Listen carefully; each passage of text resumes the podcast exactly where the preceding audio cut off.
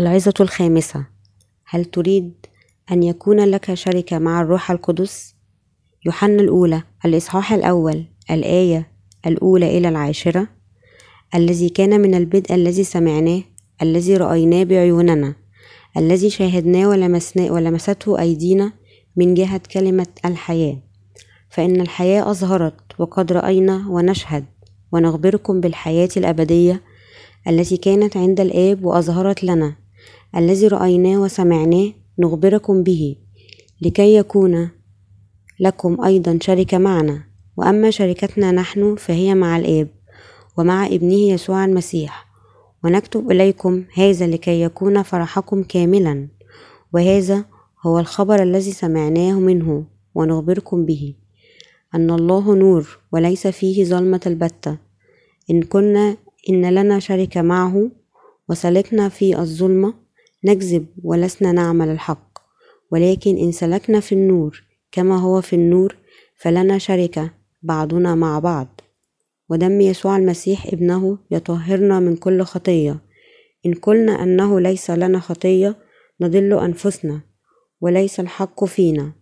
إن اعترفنا بخطايانا فهو أمين وعادل حتى يغفر لنا خطايانا ويطهرنا من كل اسم. إن كنا إننا لم نخطئ نجعله كاذبا وكلمته ليست فينا.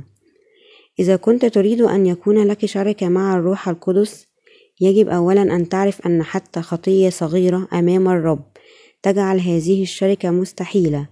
ربما تظن كيف يمكن أن يكون إنسان بدون حتى خطية صغيرة أمام الرب لكن إذا كنت ترغب حقا في الشركة مع الرب ينبغي إذا ألا يكون هناك ظلمة في قلبك. إذا لكي تنال الشركة مع الرب تحتاج أن تعرف أنك يجب أن تؤمن ببشارة الفداء وأن تتطهر من كل خطاياك. إذا كنت ترغب حقا في أن يكون لك شركة مع الروح القدس ينبغي عليك أولا أن تعرف بشارة الماء والروح وتؤمن بها وأن تتطهر من خطاياك بواسطة الإيمان. إن كنت لا تعرف بشارة الماء والروح ولم تقبلها في قلبك فلا ينبغي حتى أن تفكر في أن يكون لك شركة مع الرب. يمكنك الحصول على شركة مع الروح القدس فقط عندما تتطهر قلبك من جميع الخطايا بواسطة بشارة الماء والروح. يمكن أن تتطهر جميع الخطايا من عقل أي إنسان بحقيقة ماء الرب وروحه. يباركك الرب بالروح القدس عندما تؤمن بالبشارة الحسنة للماء والروح. أتريد حقا أن تنال شركة مع الرب والروح القدس؟ تعرف إذن على خطاياك وآمن بالبشارة الحسنة لكي تنقي نفسك من الخطية. بعد ذلك يمكنك حقا أن تنال شركة مع الرب. إذا كنت ترغب في أن يكون لك شركة مع الرب يجب أن تؤمن بمعمودية يسوع من يوحنا في نهر الأردن وأن تؤمن أيضا بدمه على الصليب إذا كان الناس يرغبون حقا في أن ينالوا شركة مع الروح القدس. يجب عليهم أن يعرفوا من هو الروح القدس. الروح القدس هو الواحد القدوس ولذلك يمكن أن يسكن فقط في الذين يؤمنون بالبشارة الحسنة. دعونا نرى اعتراف شخص تطهر من خطاياه بالإيمان بالمعمودية يسوع من يوحنا ودمه وله الآن علاقة شركة مع الروح القدس. هناك أناس كثيرون مختلفون في هذا العالم وكل فرد يعيش بأفكاره وطرقه الخاصة. وأنا كشخص لم أختلف عنهم. كانت حياتي عادية جدا منذ نعومة أظافري. كانت أمي تصحبني معها إلى الكنيسة فكان من الطبيعي أن أؤمن بالله. كان أبي ملحدا وكان ينتقدني على إيماني مرارا لكن بقية الأسرة كانوا يذهبون إلى الكنيسة. كان الذهاب إلى الكنيسة جزءا هائلا من حياتي. لكن خلال مرحلة المراهقة وأنا أنظر إلى أبي طريح الفروش. كانت تداهمني أفكار كثيرة تتعلق بأمور مثل حياتي والموت الجنة والنار. كان معظم الناس يقولون إذا آمنت بالله سوف أدخل السماء وأصبح ابنه ولكنني لم أكن متأكدا أبدا من ذلك. لم أكن متأكدا أبدا أنني سأصير ابنه. لقد تعلمت أنه إذا عملت أعمالا صالحة على الأرض فيمكنني أن أدخل السماء. لذلك كنت أحاول أن أحسن إلى المحتاج لكن في جزء من قلبي كنت أدرك أنني ارتكبت الخطية. ربما كنت أبدو للآخرين شخصا صالحا لكنني لم أكن أشعر بشيء سوى بالذنب بسبب خطاياي. في ذلك الوقت تعودت أن أذهب إلى الكنيسة وأصلي. من فضلك اجعلني حقا أن أكون ابنك. من فضلك عرفني الحق. خلال صلاتي كان ينمو في قلبي إلحاح جديد. كلما سمعت تعاليمه لم أكن أستوعب أو أفهم الكلام. لقد أرهقت من فراغ حياتي من خطيتي من الموت. طرأ على بالي أفكار مثل أريد أن أولد ثانيا. لو أستطيع أن أولد ثانيا فلن أعيش بهذا الشكل. لكن بالرغم من هذه الأفكار كنت أذهب إلى الكنيسة أقل من المعتاد. وعلى هذا النحو مرت سنوات المراهقة احتجت إلى أن أجد عملا لكن كان ذلك أصعب مما تصورت. اشتد بي الحزن والضيق ومهما بذلت من جهد لم تعرف الابتسامة طريقها إلى شفتي. كان الاكتئاب يصيبني عندما أنظر إلى نفسي وقلبي فارغ. وقتها سمعت بشارة الإنجيل من أخي الأكبر فتوبوا وارجعوا لتمحى خطاياكم لكي تأتي أوقات الفرج من وجه الرب. أعمال الإصحاح الثالث الآية التاسعة عشر. كانت هذه بشارة الماء والروح تماما. كل ما قد تعلمته في اجتماعات الكنيسة السابقة أن يسوع مات على الصليب من أجل خطايانا لكن هذه البشارة أخبرتني أن يسوع تعمد من يوحنا المعمدان ليمحي خطايانا وحكم عليه بالموت على الصليب لأجل خطايانا. كنت أذهب إلى الكنيسة طوال عمري متظاهرا بأنني ابن لله ولكني فشلت. حاولت أن أفهم معنى كلماته ولكني فشلت. لكن بعدما سمعت البشارة الحسنة للماء والروح وآمنت بها الخطية التي بداخلي وكل الأشياء التي عذبتني اختفت وحل السلام في قلبي. كنت أعتقد أنه لو فقد آمنت بالله بحماس وذهبت إلى الكنيسة بانتظام تام فسوف أذهب إلى السماء. لكن الله أرسل لي بشارة الماء والروح وغفرت خطاياي. أعطاني هبة الروح القدس قبل أن أقبل فدائه لم أكن أعرف عن الروح القدس ولا عن فكرة التكلم بألسنة. كنت أذهب فقط إلى الكنيسة وأمنت بأنه إذا عشت حياة ملتزمة وخدمت كنيستي فإن الرب سوف يباركني. لكن بالتدريج أدركت أنه يمكن أن أنال الروح القدس فقط عندما تغفر لي خطاياي. بواسطة البشارة الحسنة للماء والروح. في حياتي السابقة كنت لا أزال في الخطية بالرغم من إيماني بالله وعشت حياة فاترة دون أن أعرف أهمية قبول الروح القدس. لكن من خلال خادمه الذي بشرني بالبشارة الحسنة التي بحسب الكتاب المقدس أمنت وعرفت أن الروح القدس سكن في أيضا. بعد قبول الفداء في البداية لم أقتنع بما إذا كان الروح القدس بداخلي أم لا. كنت أدرس كلماته باستمرار وأدركت أن في قلبي إيمانا جديدا أخذ في الإزدهار وأنني نلت سكن الروح القدس. إنها الحقيقة وأنا متيقن أن الروح القدس يسكن فيا. عندما غفر خطاياي عرفت أنه فقط الذين تحرروا من الخطية يمكنهم أن يصيروا أبناء الله وينالوا الروح القدس. عرفت أيضا أن ما أبذله من جهود كي أظهر كاملا في عينيه أو أعيش حياة الكمال لن تسمح لي أبدا أن أنال الروح القدس. الله يفتقد الذين يعرفون أنهم خطاة وما زالوا لا يعرفون كيف يتصورون حيال الخطية. يتقابل مع الذين يجدون في البحث عنه ويحتاجون إليه. جعلني الله أرى أن فعل الخير والإيمان به لكن مع حياة مهملة بعيدا عنه لن يدخلنا السماء. وأن يسوع المسيح قد أتى إلى هذا العالم ليخلصني من خطاياي بواسطة البشارة الحسنة للماء والروح ووهبني الروح القدس ليسكن في فيا إلى الأبد. أشكر الرب لأنه جعلني ابنه وباركني بسكن الروح القدس. فلولا الرب لظللت الخطية ساكنة في قلبي وأدنت بالسجن في الجحيم إلى الأبد. وبالمثل كنت أؤمن بالدم على الصليب ولم أستطع أن أنال الروح القدس وإن كنت أريد ذلك. في ذلك الوقت كنت أؤمن بيسوع لكن الخطية التي كانت في قلبي منعتني من أن أنال الروح القدس. لا يمكن أن ينال خاطئ الروح القدس في قلبه لكن لا يزال خطاة كثيرون يحاولون أن ينالوا الروح القدس بالرغم من الخطايا التي تملأ قلوبهم.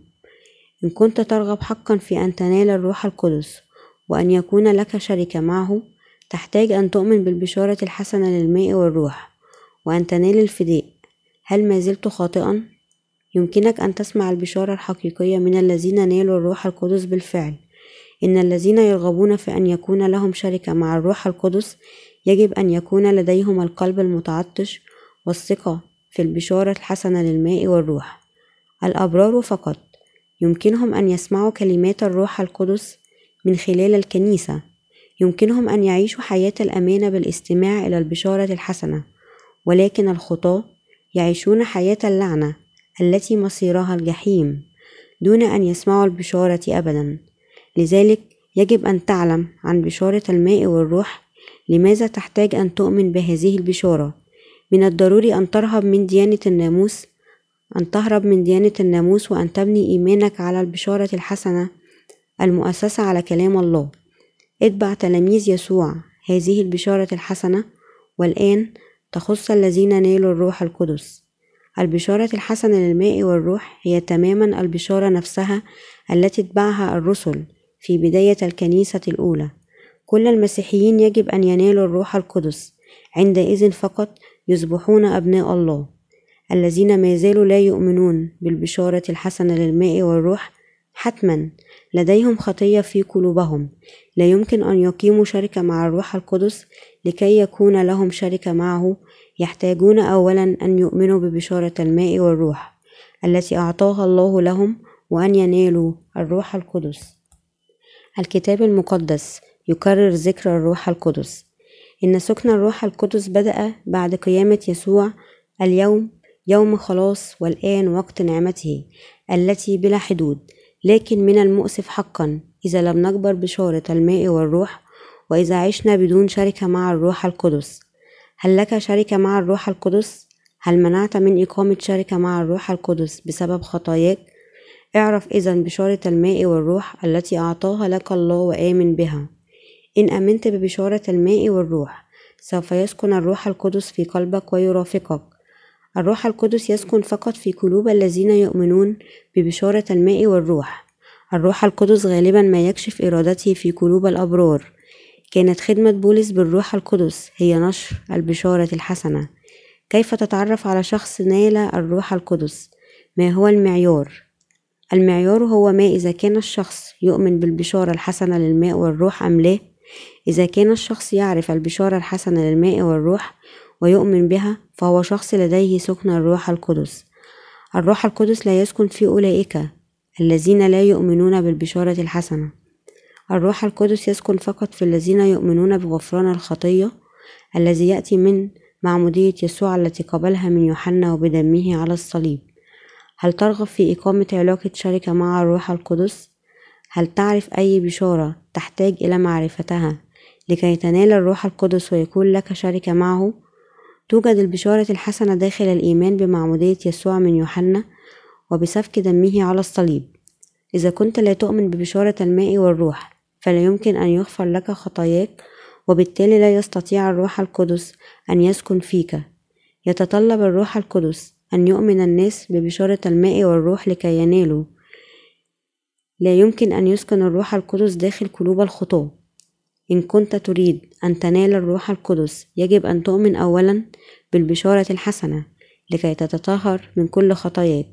إن كنت ترغب أيضا في أن يكون لك شركة مع الروح القدس ينبغي أن تكون مخلصا في نشر البشارة الحسنة. إذا أردت أن يقودك الروح القدس يجب أن تحب دائما البشارة الحسنة وتحاول أن تنشرها أينما ذهبت أينما تذهب. الروح القدس مع الذين يبشرون ببشارة الماء والروح.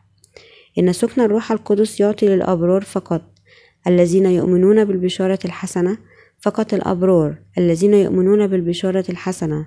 يمكنهم أن يقيموا شركة مع الروح القدس البشارة الحسنة التي يصدق عليها الروح القدس. هي البشارة التي أتمها يسوع خلال معموديته من يوحنا ودمه. يوحنا الأولى الإصحاح الخامس الآية الثالثة إلى السابعة. آمن بطرس أيضا بالبشارة الحسنة وقال الذي مثاله يخلصنا نحن الآن أي المعمودية. لا إزالة وسخ الجسد بل سؤال ضمير صالح عن الله. بقيامة يسوع المسيح. بطرس الأولى الإصحاح الثالث الآية الحادية والعشرون. في الكتاب المقدس كلمة ماء تتكرر مرارا بمعنى المعمودية. التي أخذها يسوع من يوحنا المعمدان الذين يستطيعون أن ينالوا الروح القدس هم الذين نالوا الفداء من خلال البشارة الحسنة وتحرروا من كل خطية الذين يؤمنون بالبشارة الحسنة يمكنهم أن يعبدوا الآب بالروح, بالروح والحق بقيادة الروح يوحنا الإصحاح الرابع الآية الثالثة والعشرون الروح القدس يعين الأبرار على أن يعيشوا حياتهم. ممتلئين من الروح القدس. الذين لديهم سكن الروح القدس يمكنهم أن يحيوا إلى الأبد مسبحين الرب.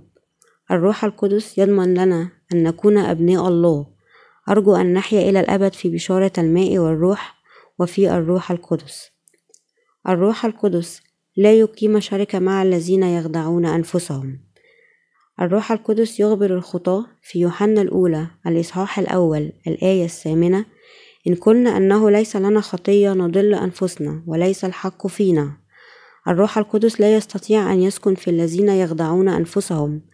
الروح القدس يوبخ الخطاة قائلا لماذا لم تؤمنوا بالبشارة الحسنة التي أتمتها بعمودية يسوع ودمه؟ سوف نلقي نظرة على اعتراف شخص مسيحي مولود ثانية هذا قد آمن في البداية بأنه نال الروح القدس بدون أن يشهد لمعمودية يسوع ودمه. هذا الرجل يؤمن الآن ببشارة الماء والدم ونال الروح القدس. وهنا يجب أن نوضح بدقة من الذي يسكن فيه الروح القدس. بدأ يحيا الله في قلبي عندما أدركت علة وجودي في هذا العالم. عندما أتأمل نفسي أعتقد أن هذا الضعف الذي أحيا به وحيدا في هذا العالم القاسي إذا به قد تحول إلى الاشتياق إلى الله. لم أبحث عن الله لكن قبلت وجوده بشكل طبيعي فهو غير منظور لكنه موجود. طبعا سألت نفسي هل هو موجود فعلا؟ لكن حتى الفكرة نفسها أفزعتني لأنني أؤمن بشدة أنه خالق الكل. بدأ أن الذين يرفضون الله حمقى وإن كانوا بطريقة ما أكثر مني قوة. كان يبدو عليهم أنهم يستطيعون أن يفعلوا أي شيء بأنفسهم أما أن أنا فكنت أبدو غبيا ضعيفا لكني لكن لأنه كان لي رجاء في الحياة بعد الموت. كنت أتطلع إلى الله باحترام عظيم. تساءلت إذا ما كانت السماء يمكن أن تكون مكانا لأناس مثلي؟ يشعرون دائما بالنقص وقد جعلني ذلك السؤال أكثر جدية في تمني الفردوس السماوي. كان والدي يحتقرون المتدينين. وكان إخوتي يذهبون إلى الكنيسة بدون إخلاص. كانوا يعتقدون أن إخلاصي الشديد للكنيسة سوف يضمحل سريعا. لذلك لم يمنعوني من الذهاب إلى الكنيسة حتى مرحلة المدرسة المتوسطة الإعدادية. وهكذا كنت أذهب من كنيسة إلى أخرى. وآخر الأمر بدأت أذهب إلى كنيسة صغيرة بالقرب من المنزل حتى دخلت الكلية. السبب في أني اخترت أن أحضر في هذه الكنيسة هو أنها كانت تركز بشدة على الإنجيل. كان راعي الكنيسة إنجيليا من المنتمين إلى الحركة الإحيائية وعلى ما يبدو أنه لم يفعل شيئا يتعارض مع كلام الكتاب المقدس. كان لي أسباب لكي أعيش حياة دينية جادة حتى لو كنت مرهقا ومقهورا من دراستي. كان السبب هو إيماني بأن كنيستي على حق وأنني سوف أذهب إلى السماء وخاصة عندما كان الناس يدعون زملائي أعضاء الكنيسة بالكفرة كان ذلك اليقين مبنيا على الإنجيل. كانوا يقولون إن الخطاة لا يمكنهم أن يدخلوا أبواب السماء لكن شعب الكنائس الأخرى كانوا أيضا يقولون أن قلوبهم مملوءة بالخطية.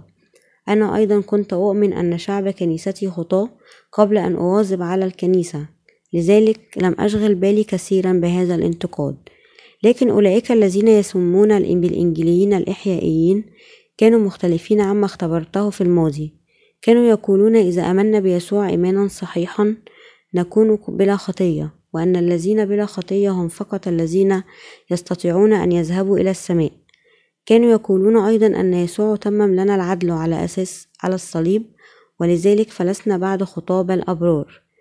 لم أؤمن بهذا في البداية لكن عندما فكرت فيما وجدت الأمر منطقيا كنت لم أؤمن بهذا في البداية. كنت صغيرا وقتها واعتقدت أنه إذا أردت أن أذهب إلى السماء فإن الله سوف يسمح لي بالدخول فقط إذا كنت بلا خطية لأن الله يحتقر الخطية.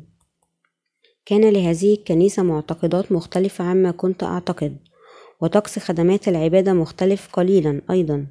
لكن لأن السماء هي المكان الذي يدخله فقط القلة المختارة بدأ أن الشعب في هذه الكنيسة قد اعتنق الإيمان السليم. كانت الكنيسة تشدد على جسد يسوع ودمه لذلك كنا كل يوم أحد نتناول لقمة من الخبز ورشفة خمر. لقد قبلت هذه الممارسة الطقسية لأنها مبنية على كلام الكتاب المقدس لكنني اكتشفت بعد ذلك أن الناس يشاركون في هذا الطقس دون أن يفهموا معناه الحقيقي. كنت أؤمن أن الروح القدس يسكن في قلوب المؤمنين وفي قلوب الأبرار وأنه كان يسمح في كل صلواتهم يسمع في كل صلواتهم. لذا أمنت أن الروح القدس يسكن في. كنت متأكدا كذلك أن الله رفيقي ولم أشك أبدا في الإنجيل الذي أمنت به. لما كنت أمر بأوقات صعبة وأمر بأوقات صعبة كنت أتحدث مع الله كأنه بجانبي تماما. كنت أؤمن أنه يستمع إلي عندما أخبره بأشياء لا أقدر أن أقولها لأحد غيره. لهذا وثقت فيه واتكلت عليه. لم أستطع أن أفهم الذين يذهبون إلى الاجتماعات الانتعاشية أو الإحيائية ليتكلموا بألسنة وكنت أضحك على أولئك الذين يواظبون على اجتماعات الصلاة للصائمين عندما كنت أرى جهودا مثل هذه. كنت أفكر لماذا يتمادون في بذل جهد هكذا. بدون معنى لينالوا الروح القدس. الروح القدس يحل عليهم فقط عندما يكونون بلا خطية ويبقى فيهم دائما. حتما هم خطاة لن يحل عليهم بالرغم من كل مجهودهم. شعرت بالشفقة نحوهم كنت أعتقد أنهم حمقى للغاية ذلك ما كان يدور في رأسي مما جعلني أعتقد أن إيماني بالإنجيل لا يفضله آخر وأن إيمان الآخرين كلهم ليس إلا كذب. كبرياء قلبي وصل إلى ذروته عشت حياة دينية على طريقتي الخاصة لمدة عشر سنوات ولكن بمرور الوقت بدأت الأسئلة تطرأ على ذهني وتبزغ في قلبي فكرت أنا بلا خطية بفعل بشارة الدم على الصليب لكن هل جميع المؤمنين الآخرين بدون خطية أيضا؟ هل يؤمنون فعلا بالبشارة نفسها أيضا؟ لم أعرف لماذا طرحت هذه الأسئلة فقط الأسئلة هبطت على رأسي ولم أستطع أن أسأل أحد. كان هذا إيمان شخصي ولا يجب أن ينتهك وقد يكون من الوقاحة طرح هذا السؤال على شخص آخر. لكنني بدأت أسأل هذه الأسئلة لنفسي. أثناء وجودي في الكلية بدأت أفعل أشياء كانت تحرمها وصايا الدين فأظلم قلبي لدرجة أن ما كنت أؤمن به بدأ يتقلص. لم أعد متيقنا من إيماني هل يمكن أن أدعو نفسي برا؟ هل طهرني يسوع فعلا من جميع خطاياي؟ وسط كل هذه الحيرة أجبرت نفسي على أن أفكر في بشارة الصليب. حتى اقتنعت نفس نفسي بها. لكن كلما ضغطت على نفسي كلما تهت أكثر فلم أعد أواظب على خدمات الكنيسة. وكنت أتعذر بأنشطة النادي. وسط كل الارتباك والفوضى أخيرا قابلت الحقيقة. سمعت عن بشارة الماء والروح التي جاءتني مثل سهم البرق. كان التأثير عظيما لدرجة الرغبة في البكاء. لكن خلال استماعي للبشارة كان علي أن أعترف أن كل ما آمنت به حتى تلك اللحظة كان زائفا. لم أكن قد نقلت خطاياي أبدا ووضعتها على يسوع. لقد أمنت بصورة مبهمة أنه رفع خطاياي وأنني بلا خطية. لكن الحال لم يكن كذلك. لماذا أتى يسوع إلى هذا العالم حتى يعتمد؟ لأنه أراد أن يبين أنه وديع كالحمل لكي يثبت أنه جاء كإنسان أم ليتنبأ عن موته المحتم؟ لم أحلم قط أن معرفة السطحية بالمعمودية لها مثل هذه الأهمية مثل لا هذه لها الأهمية الأهمية الحقيقية. الحقيقة أن يسوع قبل المعمودية من يوحنا الذي كان يمثل كل البشر. وعن طريق تلك المعمودية جميع خطايانا انتقلت ووضعت عليه. آه هذا هو السبب الذي لأجله أصبح يسوع حمل الله الذي رفع جميع خطايانا. فهمت الآن كل شيء. يسوع عوقب من أجل خطاياي على الصليب. هذا هو السبب. في أنني بلا خطية في قلبي. في اللحظة التي عرفت فيها بشارة الماء معمودية يسوع الدم الصليب والروح القدس يسوع هو الله تلاشت الخطايا التي كنت أشعر بها في قلبي. أنه حقا الآن بدون خطية وإنسان بار وأخيرا يسكن الروح القدس في قلبي. كان إيماني في الصليب غير كافي. أنا حقا الآن بدون خطية وإنسان بار وأخيرا يسكن الروح القدس في قلبي. وكان إيماني في الصليب غير كافي ليطهرني من الخطايا التي كانت في قلبي. إن كنت لا تعرف بالضبط بالضبط كيف انتقلت خطاياك ووضعت على يسوع فلا يمكن أن تغفر خطاياك ولا يستطيع الروح القدس أن يسكن فيك. شكرا للرب. تمكنت من أن أنال الروح القدس بواسطة البشارة الحسنة. بدون أي مجهود غفر لي بواسطة بشارة الماء والروح والروح القدس يسكن في الآن وإلى الأبد. أستطيع الآن بكل فخر أن أدعو نفسي طاهرا بلا خطية. ويمكنني أن أفتخر بأن ملكوت السماوات هو نصيبي. أنتهز هذه الفرصة لأشكر الرب الذي أعطاني هذه البركة مجانا هللويا. الذين ينالون الرحمة الروح القدس يمكنهم القول أنهم بلا خطية في حضور الله. بصرف النظر عن طول الفترة التي آمنت خلالها بيسوع إن كنت لا تؤمن بالبشارة الحسنة التي أعطاها لنا الله بالتأكيد توجد خطية في قلبك. أناس بهذا الشكل يخدعون أنفسهم ويخدعون الله أيضا. هؤلاء الناس لم يقابلوا الرب أبدا. إذا أراد خاطئ أن يكون له شركة مع الروح القدس يجب عليه أولا أن يتوقف عن خداع نفسه ويعترف بأنه ارتكب الخطية. حينئذ فقط يكون مؤهلا لأن يؤمن ببشارة الماء والروح. إن الذين يؤمنون بهذه البشارة الحسنة يستحقون نوال الروح القدس. ماذا يقول الروح القدس للخطاة يوصيهم أن يحصلوا على غفران خطاياهم بالإيمان بالبشارة الحسنة التي أكملت بمعمودية يسوع ودمه. إذا كنت تقول أنك لست خاطئا عندما تخطئ فلن تنال الروح القدس أبدا. إن الذين لا يؤمنون بالبشارة الحسنة ويقولون أنهم لم يخطئوا يخدعون يخدعون الله وأنفسهم. يجب أن يعرف الخطاة البشارة الحسنة للماء والروح. وأن ينالوا الروح القدس عندئذ فقط. يمكن أن يعتقوا من دينونة الله الشديدة. الأبرار يمكنهم أن يقيموا شركة مع الروح القدس من خلال الاعتراف بخطاياهم. أتحدث إلى الذين يؤمنون ببشارة الماء والروح وبالتالي نالوا الروح القدس. دعونا نرى ماذا يقول الله للأبرار. يقول في يوحنا الأولى الإصحاح الأول الآية التاسعة إن اعترفنا بخطايانا فهو أمين وعادل حتى يغفر لنا خطايانا ويطهرنا من كل اسم. هذه الآية تعني أننا نستطيع أن نطهر قلوبنا الدنسة من خطايانا الفعلية. بتذكير أنفسنا بالإيمان بالبشارة الحسنة التي تعلن أن يسوع أخذ كل خطايانا عندما تعمد وكفر عنها بصلبه. الأبرار يحتاجون إلى الاعتراف بخطاياهم الفعلية إلى الله عندئذ فقط. يمكنهم أن ينالوا الشركة مع الروح القدس. ينبغي أن يعترف الأبرار بخطاياهم الفعلية وأن يستمروا في الإيمان بالبشارة الحسنة. منذ زمن بعيد طهرتنا البشارة الحسنة بمعمودية يسوع ودمه من كل خطايانا ولذلك ينبغي أن يؤمن الأبرار بهذه البشارة ويتحرروا من كل خطاياهم. لقد غفر الرب لهم بالفعل جميع خطاياهم من خلال بشارة الماء والروح. يجب أن يؤمن الأبرار بالبشارة الحسنة حتى يتحرروا من خطاياهم. يستطيع الأبرار أن يطهروا قلوبهم بالإيمان بالبشارة الحسنة للماء والروح عندما يتلوثون بخطاياهم الفعلية.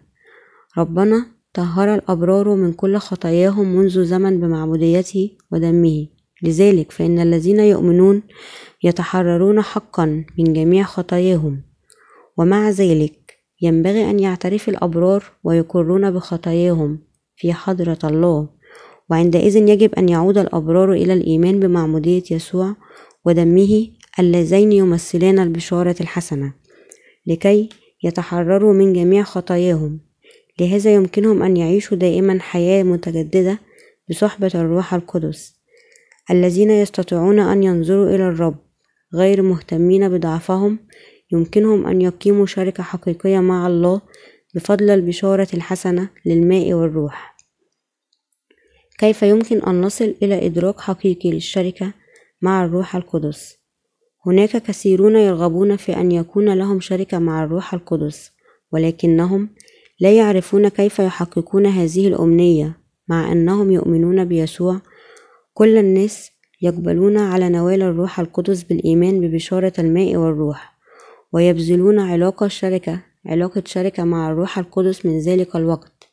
وبالمثل فإن الطريقة الوحيدة التي يستطيع أن يقيم من خلالها شخص بار علاقة شركة مع الروح القدس هي أن يعرف حقيقة بشارة الماء والروح ويؤمن بها. علاقة الشركة بين الأبرار والروح القدس لا يمكن تحقيقها بدون البشارة الحقيقية. فماذا عن علاقة الشركة مع الروح القدس؟ هي ممكنة فقط بواسطة الإيمان بالبشارة الحسنة. يقول الله إن الإنسان يخطئ طوال حياته. يوحنا الأولى الإصحاح الأول الآية العاشرة. يقول إن قلنا إننا لم نخطئ نجعله كاذبا وكلمته ليست فينا. لا يوجد ذلك الإنسان الذي لم يخطئ أمام الله. حتى الكتاب المقدس يقول لأنه لا إنسان صديق في الأرض يعمل صلاحا ولا يخطئ.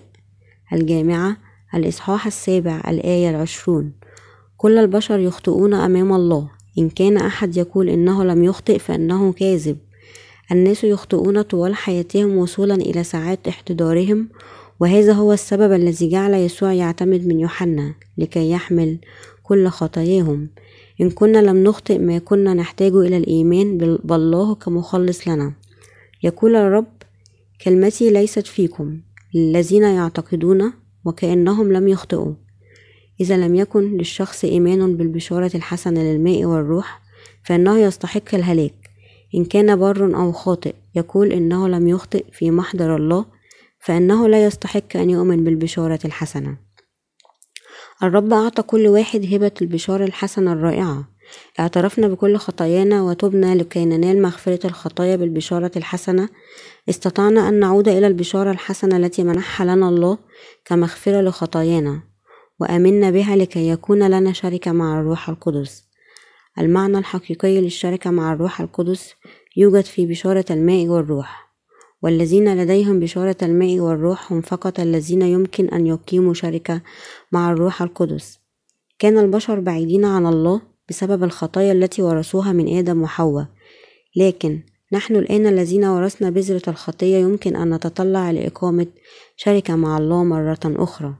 لكي نفعل ذلك يجب أن نعود إلى الإيمان ببشارة يسوع المسيح بالماء والروح حتى يغفر لنا الخطايا التي أبعدتنا كثيرا عن الله.